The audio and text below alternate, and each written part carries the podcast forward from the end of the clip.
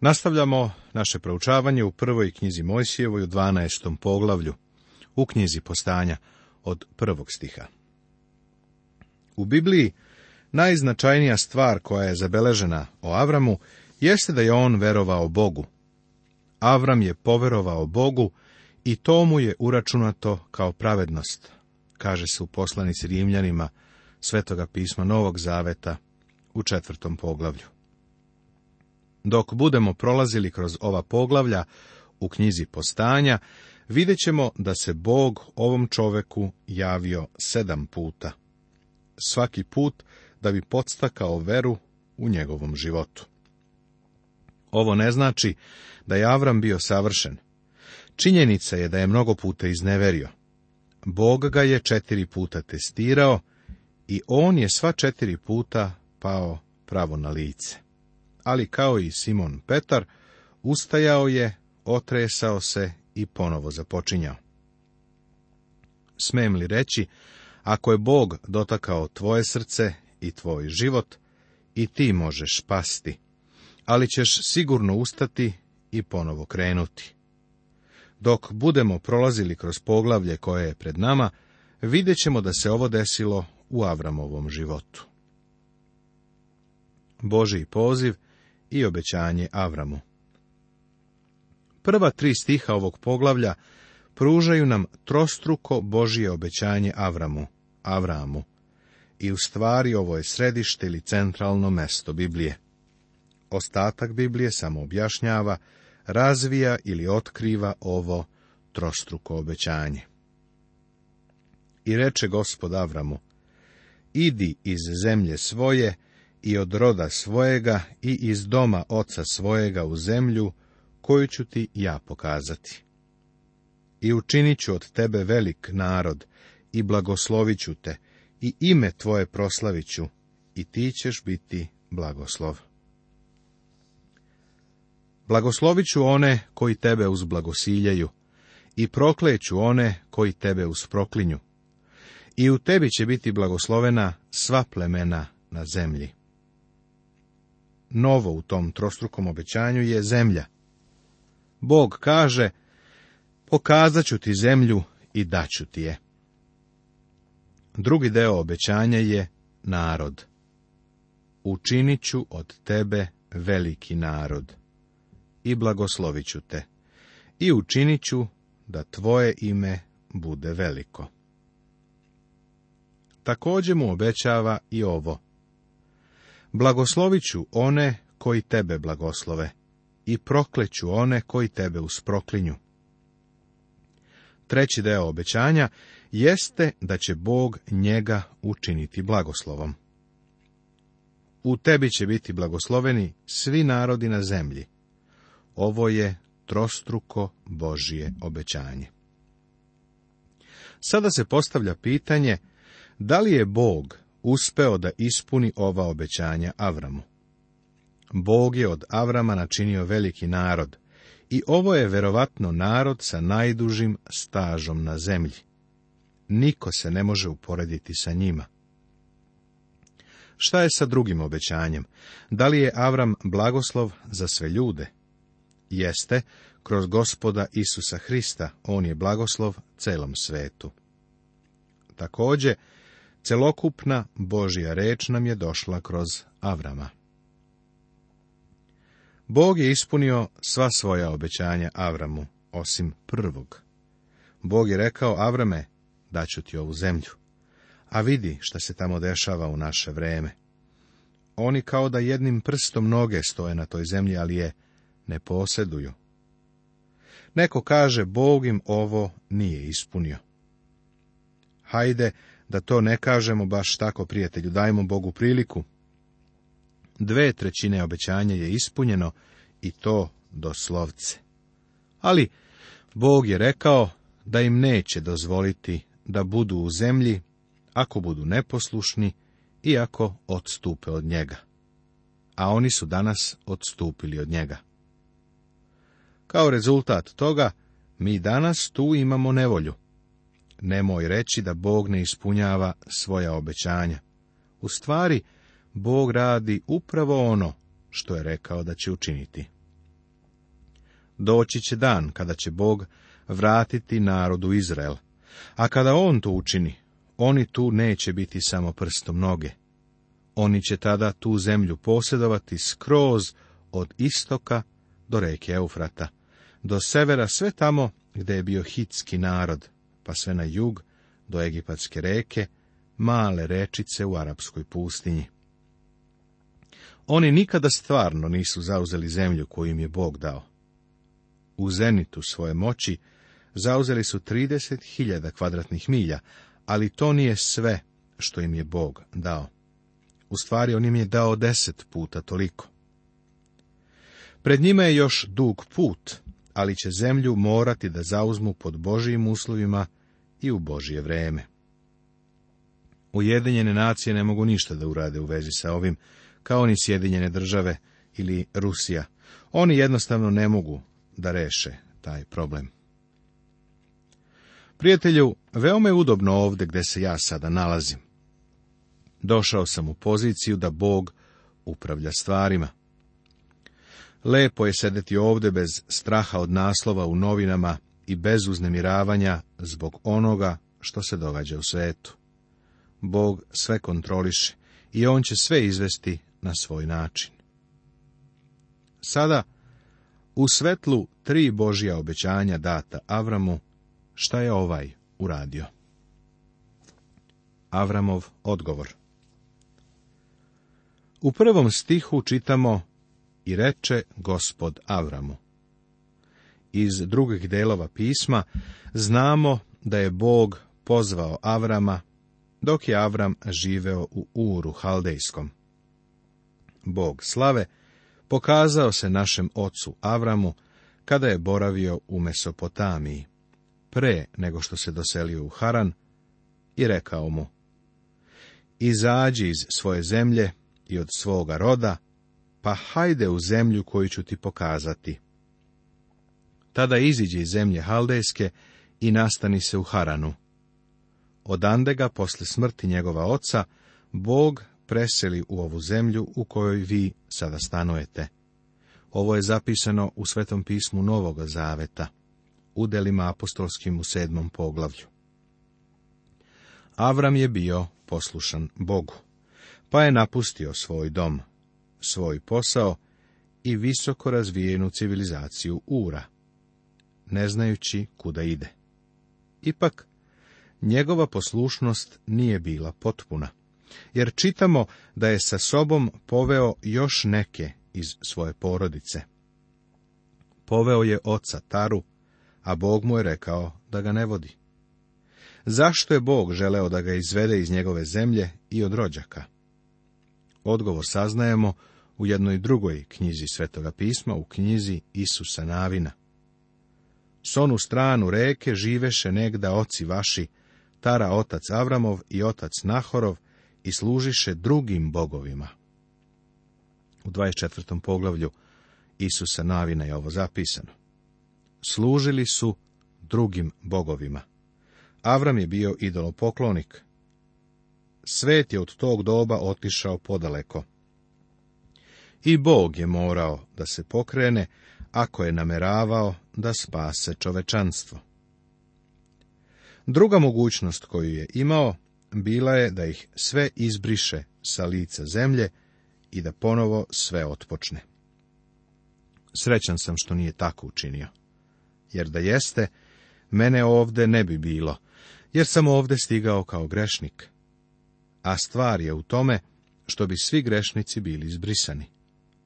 Hvala Bogu da je On Bog milosti i blagodati, i da on spasava grešnike.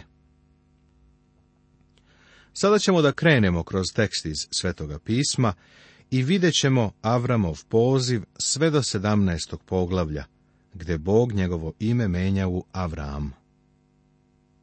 Tada pođe Avram, kao što mu kaza gospod, i s njim pođe Lot.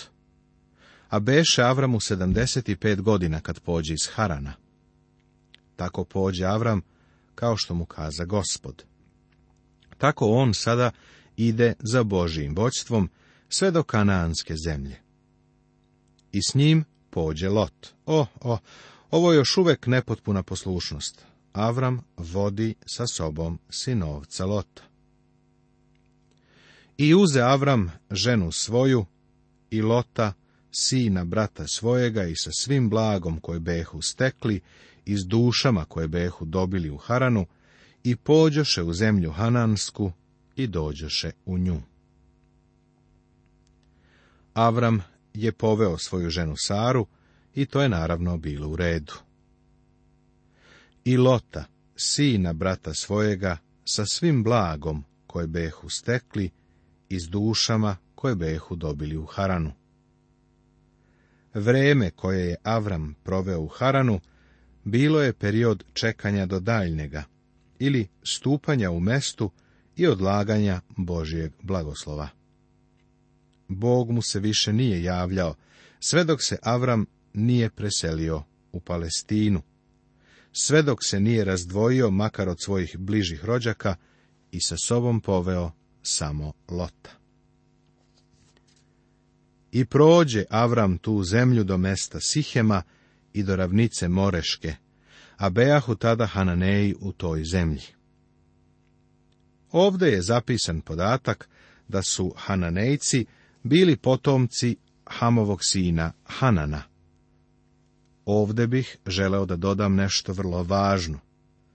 Mnogo ljudi misli da je Avram napustio užasno mesto u Uru Haldejskom i da je došao u zemlju žita i vina, u zemlju mleka i meda, gde je sve bilo divno.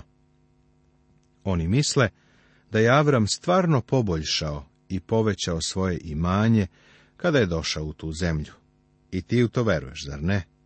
Ali sveto pismo ne govori tako. Kroz arheologiju znamo da je Ur Haldejski u to vreme imao visoku razvijenu civilizaciju. U stvari, Avram i Sara su vrlo verovatno u svojoj kući imali kadu. Ur je bio veliki i napredan grad. Avram je sve to napustio i došao u zemlju Hanan, a bejahu tada Hananeji u toj zemlji. Hananeji nisu bili civilizovan narod, bili su varvari i neznabošci. Avramov cilj dolaska u Hanan sigurno nije bio da uveća svoje imanje. On je došao radi poslušnosti Božjoj zapovesti. Kada je poslušao, obrati pažnju na to šta se dogodilo. I javi se gospod Avramu i reče, Tvome semenu daću zemlju ovu. I Avram načini onde žrtvenik gospodu, koji mu se javio. Abram gradi oltar gospodu, kada mu se gospod javio drugi put. Dok je bio u Haranu, mestu odlaganja, Bog mu se nije javljao. Vidiš, jedan od razloga zašto ti i ja nismo uvek blagosloveni u čitanju Biblije, jeste to što sveto pismo, odnosno Biblija, osuđuje. Ne živimo u svetlu koje nam je Bog već dao. Da smo bili više poslušni Bogu, više bi blagoslova došlo. U Avramovom iskustvu vidimo da mu se Bog nije ponovo javio, sve dok se Avram nije pokrenuo i počeo da bude poslušan Bogu u onome što je već znao. Sada mu se Bog ponovo javio. Tada Avram gradi oltar, vidjet ćemo da je on pravi graditelj, oltara. A posle otide odande na brdo, koje je prema istoku od vetilja, i onde razape šator svoj, te mu vetilj beše sa zapada, a gaj sa istoka. I onde načini gospodu žrtvenik i prizva ime gospodnje. Kada je došao u zemlju, Avram čini dve stvari on razapinje svoj šator. To je kao kupovanje kuće u novom delu grada i useljenje. On je razapeo svoj šator, a to znači tu je živeo. Onda je načinio gospodu žrtvenik. Ovo je bilo njegovo svedočanstvo pred Bogom. I gde god je išao, Avram je ostavljao svedočanstva o Bogu. Prijatelju, kakvo svedočanstvo ti imaš? Da bi imao svedočanstvo, ne moraš da ostavljaš traktate ispred svoje kuće i ne moraš da na kolima držiš nalepnicu Isus spasava, a onda autoputem da voziš kao manijak, kao što neki rade. To uopšte nije svedočanstvo. Ako mogu da kažem, Avram je u tišini i miru slavio Boga, a Hananejci su uskoro saznali da je to čovek koji je slavio gospoda Boga. Odande otide Avram dalje, idući na jug. Na jug je pravi smer da se ide ka toplijem podneblju. Tako, ovaj čovek je krenuo na jug. Svrbe ga tabani, on je nomad. Sada u njegovom životu dolazimo do mrlje. U stvari, to mu je već druga po redu. Avramovo udaljavanje od vere. Ali nasta glad u onoj zemlji, te Avram siđe u Misir da se onde skloni, jer glad beše velika u onoj zemlji. Avram je bio u zemlji i ta zemlja bila je mesto blagoslova. Bog mu nikada nije rekao da ode odatle, ali u zemlji je vladala glad, Mislim da je jednoga jutra Avram povukao zastor na svom šatoru, pogledao i rekao, Saro, izgleda da svi idu za Egipat. Znaš, glad je i sve je gore. Možda i mi treba da razmislimo o našem odlasku. Pretpostavljam da je Sara uzvratila, sve što hoćeš, Avrame, ja sam tvoja žena, ići ću za tobom. Kada je prošlo nekoliko dana, i posle Avramovog razgovora sa nekoliko putnika, koji su verovatno dolazili sa severa, gde je on nekada živeo, i donosili vesti o gladi koja se približavala i pogoršavala, pa su se selili južno. I zato pretpostavljam da je jedne večeri rekao Sari sledeće.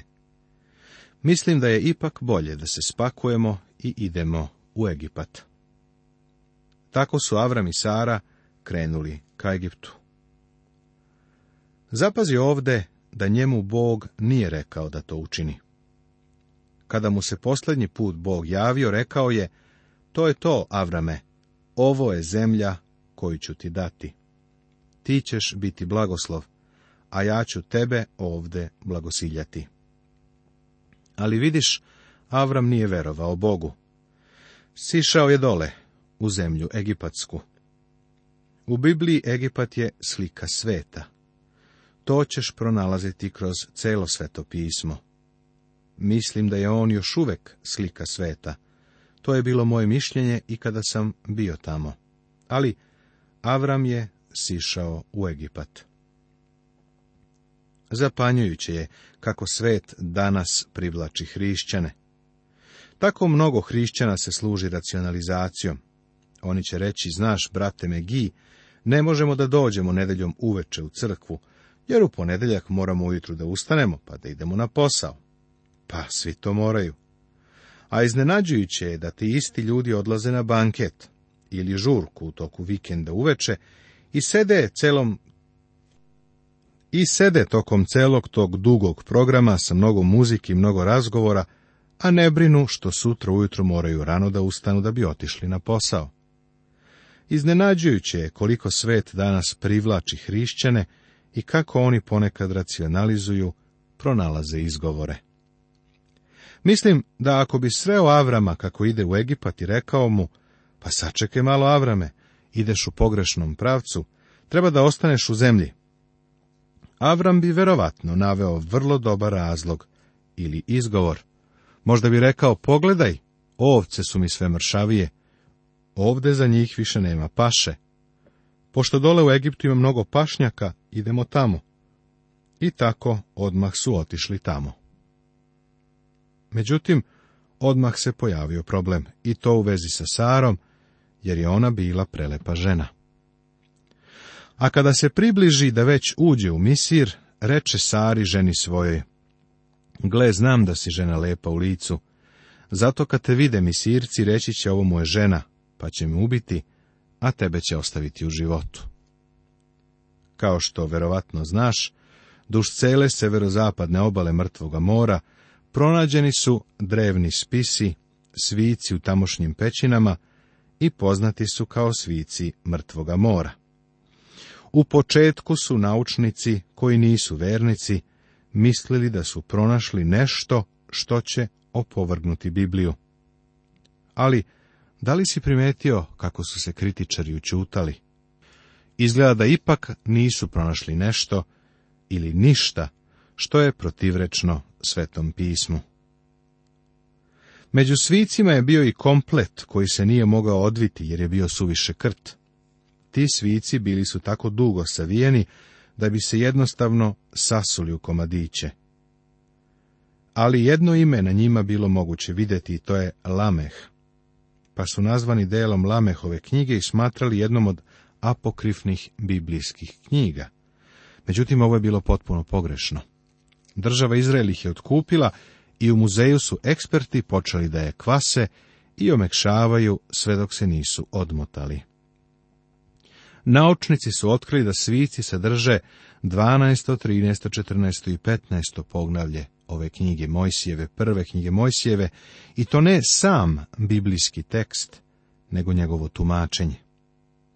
U delu koji se bavi 12. poglavljem, svici govore o Sarinoj lepoti i u stvari opisuju njene osobine. Govore koliko je bila prelepa. Ovo potvrđuje ono što o njoj čitamo u Božjoj reči. Nastavit će se.